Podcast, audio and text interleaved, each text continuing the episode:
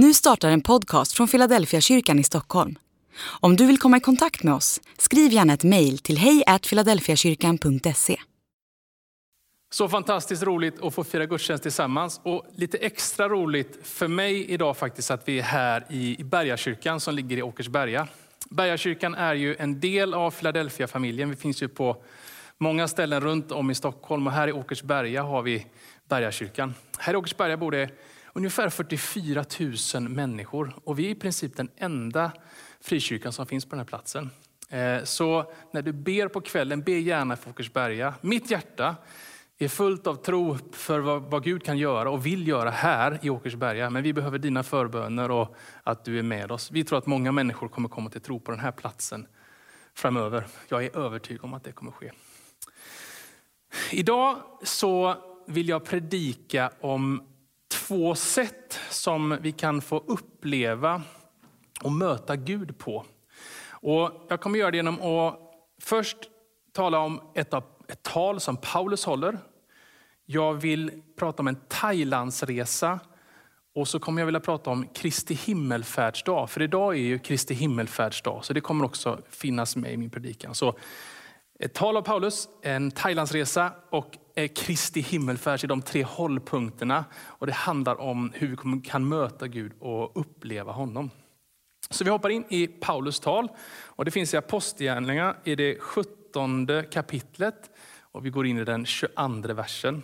Och då är bakgrunden att Paulus har kommit till Aten och I Aten så är det många människor som, har, som, som tror på olika sorters gudar. Han upptäcker Paulus när han är där att de, ja, men de tror, verkar tro, det finns mycket andlighet. Människor har kopplat upp sig på att det måste finnas någonting mer. Och så kommer han i samspråk med de här som bor i Aten och så kommer han till något som heter Aropagen och där är det som om Paulus hoppar upp på en sockerlåda och så ska han hålla ett tal till atenarna där han ska försöka förklara vad kristen tro är för någonting. Och då kommer vi in där. Då står det så här. Paulus steg fram inför Areopagen och sa, Atenare, jag ser av allt att ni är mycket noga med religiösa ting. När jag gått omkring och sett på era gudabilder har jag nämligen också upptäckt ett altare med inskriften åt en okänd Gud. Det som ni dyrkar utan att känna till, det är vad jag förkunnar för er. Gud som har skapat världen och allt den rymmer, han som är herre över himmel och jord bor inte i tempel som är byggt av människohand.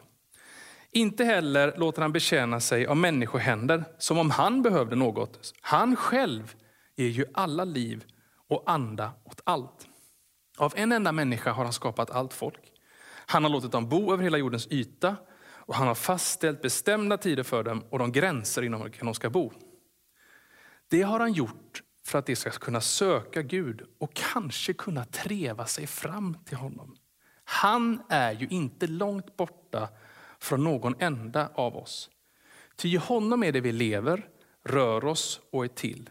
Som också några av egna skalder har sagt. Vi har vårt ursprung i honom. Vi ska gå vidare strax i den här texten, men, men här är det första sättet som Paulus berättar att Gud visar sig på. Han beskriver att Gud är ständigt närvarande, finns överallt. Det finns liksom inte en millimeter utav hela den här skapelsen där Gud inte är närvarande. Paulus säger att när du ser omkring, när du liksom kollar på skapelsen runt omkring dig, allt det vackra, allt det otroliga som finns. Du kanske någon gång får hålla ett nyfött barn i din famn och tänker, nej men kan det verkligen vara så att det här är helt slumpartat? Eller du är i naturen och tänker, hur kan detta vara ihopskruvat med från den minsta insekten till det största träd, alla djuren. När du möter människor som visar kärlek, barmhärtighet och liksom medmänsklighet, så tänker du någonstans, kan detta verkligen vara helt slumpartat? Finns det ingenting bakom detta? Du har rätt, säger Paulus. Du känner helt rätt. Därför det du anar, det är Guds fingeravtryck i hela den här skapelsen. Hans osynliga hand som syns överallt och som märks. Det är i honom vi lever och rör oss till, säger Paulus. Vi har vårt ursprung i honom. Tydligen någon popstjärna på den tiden sjungit en sång med det innehållet. Han säger, precis så är det. Vi har vårt ursprung i honom, i Gud själv. Så det där som ni inte riktigt förstår vad det är för någonting och som ni försöker dyrka nu, säger Paulus till atenerna, det är Gud själv som ni jagar efter. Det här är vad man kallar för, på någon slags teologispråk, för Guds allmänna närvaro. Att han är omnipresens, att han är överallt, finns överallt. Omni, överallt, presens, närvarande. Han är överallt närvarande. Och vi kan ju känna igen det där. Vi har tillfällen i livet när, när det plötsligt man tänker bara det här, det här är för bra för att vara sant. Eh, det här är bara för mycket för att det skulle kunna vara slumpartat. Och det säger Paulus, det är Guds fingeravtryck, hans osynliga hand som verkar i hans skapelse. Och, så det fint, så fortsätter Paulus säga, och varför är det så här? Jo, det är för att vi ska kunna treva oss fram till vem Gud är. Alltså, du kan tänka, jag bryr mig inte så mycket om Gud, men Gud har designat allt det här som du ser runt omkring en. Och, och mellanåt när det svindlar för dig, ja, vad är det som pågår? Jo, det är att du anar att Gud är där och det finns på det här sättet för att du ska kunna på något sätt treva dig fram till vem Gud är och till honom själv. Så du har ditt ursprung i Gud själv, säger Paulus. I honom är du lever och rör dig till. Han är liksom uppenbarad i allt detta. Hans fingeravtryck finns överallt. Det här är Guds allmänna uppenbarelse, hans omnipresens. Men sen, sen nöjer sig inte Paulus utan han fortsätter att tala. Han står på sockerlådan och så säger han vidare. När vi nu har vårt ursprung i Gud, då får vi inte föreställa oss det gudomliga som något av guld, silver eller sten. Eller något som en människa har format efter sina idéer och med sin konstfärdighet. Alltså, det är ingen idé att när du tittar på allt det här som är runt omkring dig, att det är det som du ska dyrka, tillbe och tänka att det är det som är Gud. Nej, säger Paulus. Istället står det så här, en lång tid har Gud haft överseende med den här okunnigheten. Men nu ålägger han människorna, alla, överallt, att omvända sig. För han har fastställt en dag då han ska döma världen med rättfärdighet genom en man som han i förväg har bestämt därtill. Det har han bekräftat för alla människor genom att låta honom uppstå från de döda. För dig som är kristen förstår du ganska snabbt att det är Jesus Kristus han pratar om. Det syns som inte annat i det här, låta honom uppstå från de döda. Vi känner till så jättemånga andra som har gjort det. Jesus har gjort detta. Paulus beskriver då att det finns ett Guds fingeravtryck, hans allmänna uppenbarelse. Men nu genom Jesus Kristus så finns det att Gud har klivit in i tillvaron på ett särskilt sätt. Det är vad vi på teologspråk kallar för Guds särskilda uppenbarelse. Att han på ett påtagligt sätt har visat sig. Att, att Gud själv genom sin son Jesus Kristus blir kött och blod och går här på jorden. Och Det som vi förut kunde ana, det blir plötsligt synligt och tydligt genom Jesus Kristus. Gud själv manifesterad, tydlig och synlig och påtaglig på vår jord.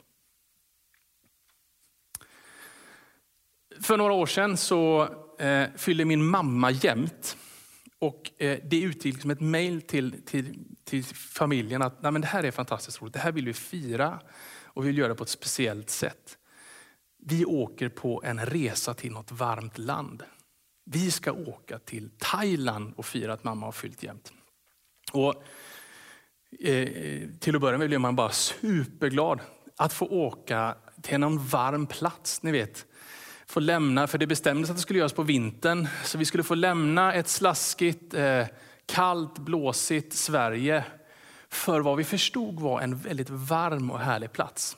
Och det planerades gott om tid i förväg, så att när det började närma sig några månader innan, då började det liksom dimpa ner lite saker i mailboxen hemma. Det kom någon länk som var till eh, där hotellet låg. Man kunde klicka på den och så kom det upp små filmer som visade liksom att ja, det ligger alldeles vid strandkanten.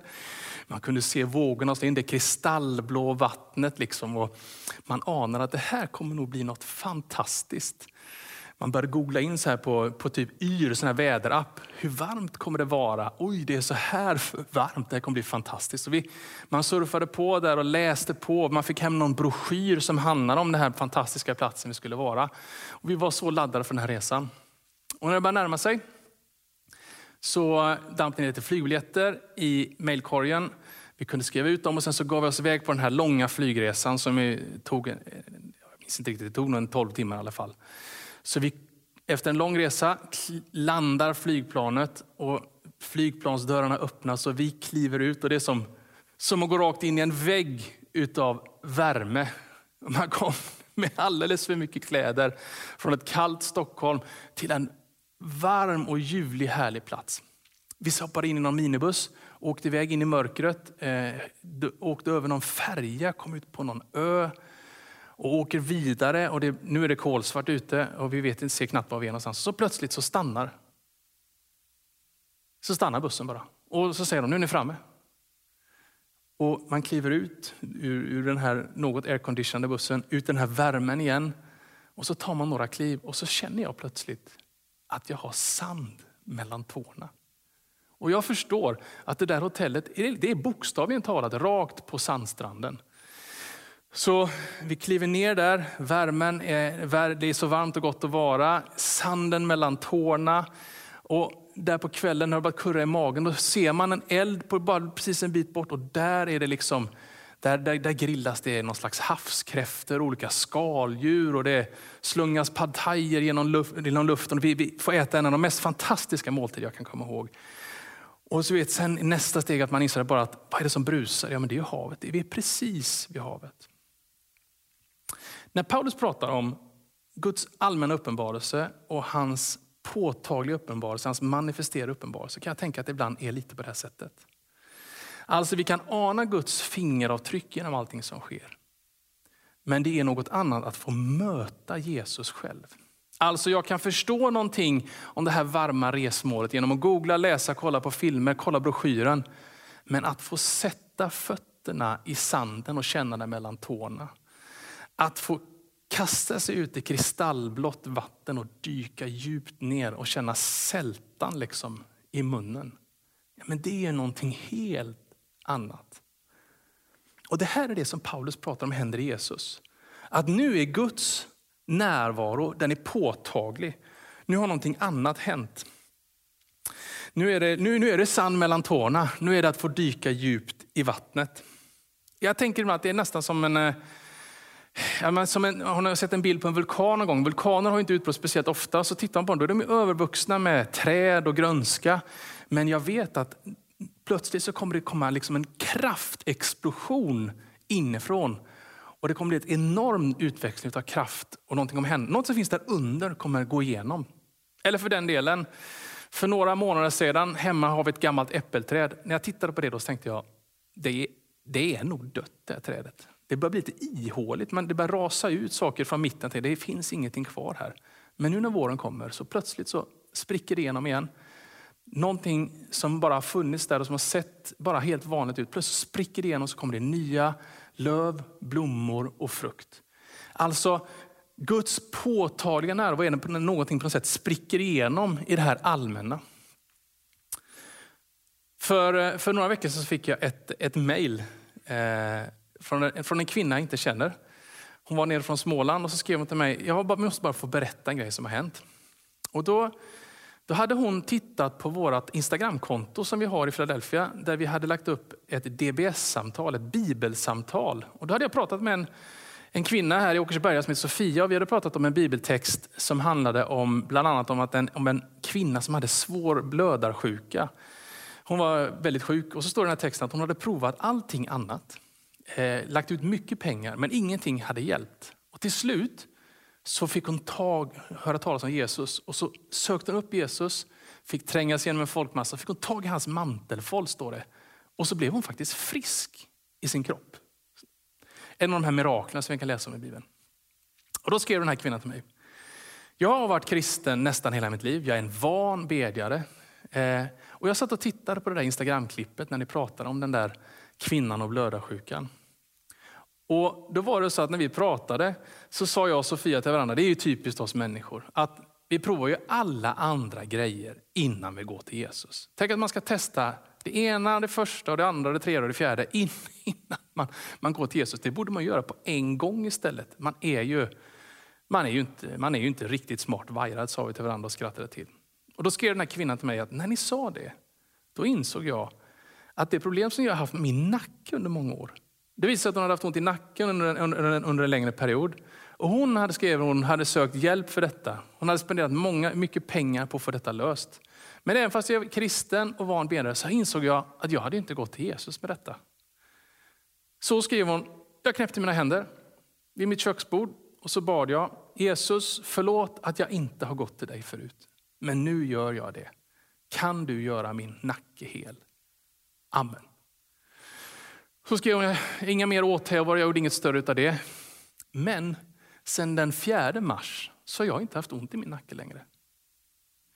Och så skrev man under, och jag bara väntar på att det ska komma tillbaka, men det verkar inte göra det.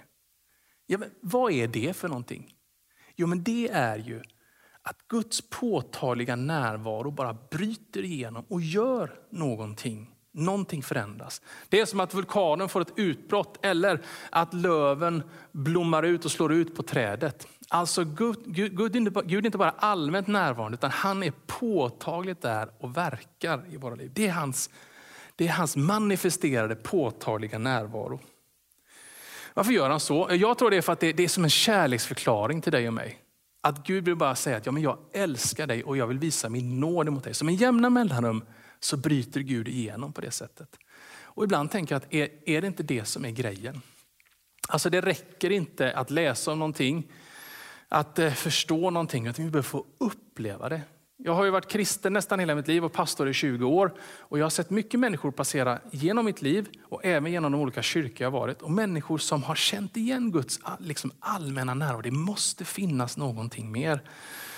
Och de har, de har, de har liksom känt av den där allmänna närvaron av Gud också i gemenskapen. Tänkt, här, är, här är någonting fantastiskt. Du vet, vi är goda med människor. Vi, I våra kyrkor vi sjunger så bra vi kan och talar så bra vi kan. Vi serverar så gott kaffe vi kan. Vi, vi skapar så varm gemenskap vi kan. Och så är de med det där. Men vad är det som får en människa att, att, att säga sitt ja till Jesus? Ja, men det är när man får det där mötet på ett påtagligt sätt med Jesus Kristus själv. Jag tror att det är en av de stora grejerna. Paulus säger att vi kan treva oss fram till Gud, men nu har någonting annat hänt. Du kan få ett liksom direkt påtagligt möte med Jesus Kristus. Så nu har vi varit i Paulus tal, vi har varit i Thailand. Låt mig nu säga någonting om hur detta kopplar till det som vi firar idag, Kristi himmelfärdsdag. För då kommer vi in i den fasen att lärjungarna, de har ju varit med Jesus. Guds påtagliga närvaro under faktiskt ganska många år. Så kommer den här dagen när Jesus säger, han har dött till och med och uppstått och de har fått möta honom igen. Och så kommer den dagen när de inser att nej, men nu ska Jesus lämna oss. Han ska liksom fara till himmelen igen. Kristi himmelsfärdsdag, det är det vi minns. Så, så de är oroliga. De vill ju ha kvar Jesus där de är. Ja, men varför då? Jo, därför det är ett tydligt tecken på Guds närvaro. Verkligen, kött och blod mitt i allt. Vill man bli av med det? Nej, det vill man inte bli av med. Men ändå så sker ju detta. Och då står det så här i Apostlagärningarna 1 och 9. När han hade sagt detta så såg de hur han lyftes upp, Jesus alltså, upp i höjden och ett moln tog honom ur deras åsyn. Så Jesus han försvinner, kvar står lärjungarna och idag firar vi det. Man kan ju ifrågasätta om det är något att fira överhuvudtaget. Att Jesus så att säga försvann. Lärjungarna måste ju inte varit på partyhumör i den stunden.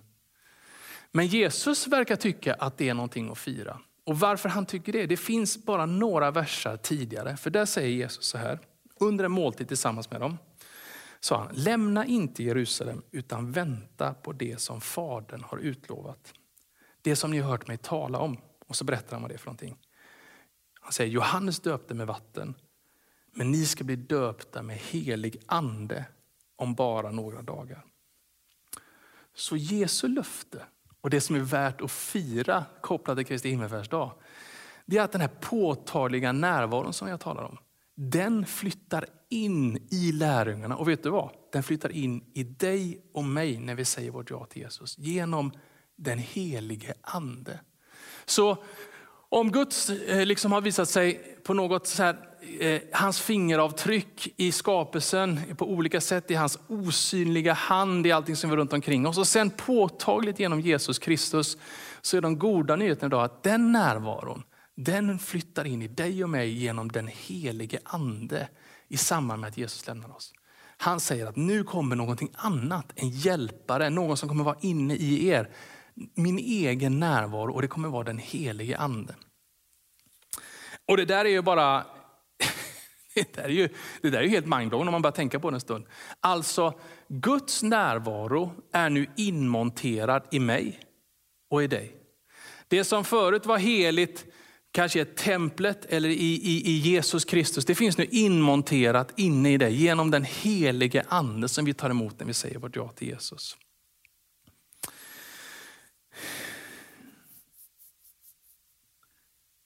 Men om det nu är då så att den helige ande har flyttat in i Samuel Hector, hur kommer det sig då att jag inte är bättre än vad jag är så att säga? Det är ju ändå en fråga man får ställa sig själv. Om jag har sagt mitt ja till Jesus och Guds ande flyttar in, varför är inte jag längre, varför blir inte jag perfekt? Varför upplever jag inte Guds påtagliga närvaro hela tiden? Varför blir det inte så att säga ett vulkanutbrott kring mig i god mening vad jag än drar fram? Varför sker inte det där som, som, jag, som jag precis berättade om kvinnan med nacken? Varför händer inte det hela tiden och om och om igen? Ja, mitt, mitt enkla svar på den frågan är nog det är att Guds närvaro har flyttat in i, i dig. Men du har ju inte blivit Gud. Om du tror att du har blivit Gud, ja, men då är vi inne på en annan typ av uppsättning av problem. Det tror du ska lägga åt sidan. Men Gud själv, hans närvaro har flyttat in i dig. Men du är ju fortfarande du. På samma sätt som du släpper in Jesus i ditt hjärta och säger, ja, men Jesus, jag, du inser, ja, men jag tror på dig Jesus, jag öppnar mitt hjärta för dig, jag släpper in dig i mitt liv. På samma sätt så, så behöver du samarbeta med den helige ande. Den helige ande kommer inte ta över dig och göra dig till någon typ av robot som styr dig. Utan nej, hans närvaro flyttar in i dig och så samverkar den med dig. Hur får man den att samverka? Ja, men jag tänker att jag, jag, bara, jag bara ber den enkla bönen Helig ande, verka i mig och genom mig idag. Och så hoppas jag att det ska ske. Och emellanåt så får jag möta det och märka det. Det händer påtagligt i min närvaro att Gud på ett påtagligt sätt visar sig. Ibland är det som att få vara en del av en kedja som jag fick vara när jag berättade om det här bibelsamtalet som sedan ledde till att hon, den här kvinnan i Småland bad om att Gud skulle ge henne snacka. Man får vara en del av Guds plan. Men jag behöver bjuda in den helige ande att verka i mig. Och varje gång som Gud bryter igenom på det där påtagliga sättet så tänker jag, wow. Tänk att Gud visar sin kärlek och sin nåd till mig genom att bara sticka igenom och på ett påtagligt sätt märkas i min närhet. Det där är någonting som jag längtar efter.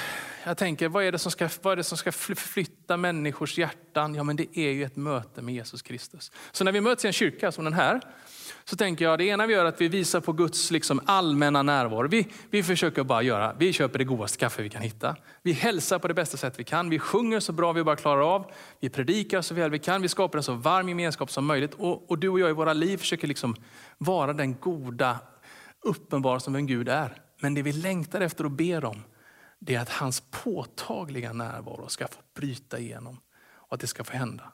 Och Det är någonting att längta efter och det är någonting att njuta av. Och Det är Guds sätt att visa sin särskilda kärlek och omsorg till dig och mig. Och vi känner igen det där när det bara djupnar och någonting sker. När vi vet att nu är det någonting som är förbi det som är det vanliga. Så vad gör man med det här då? Jo, men jag tänker två tankar egentligen. Jag tänker att du kan på ett sätt få vila i det som är Guds allmänna uppenbarelse. Tänk att få vila i att nej men Gud måste inte panga igenom och dyka upp som ett vulkanutbrott eller som en vår i mitt liv oavbrutet. Jag kan få vila i att han är ständigt närvarande. Jag ser ju hans fingeravtryck överallt. Hur skulle man kunna komma undan Gud? Det går inte. Åh, jag vilar i detta.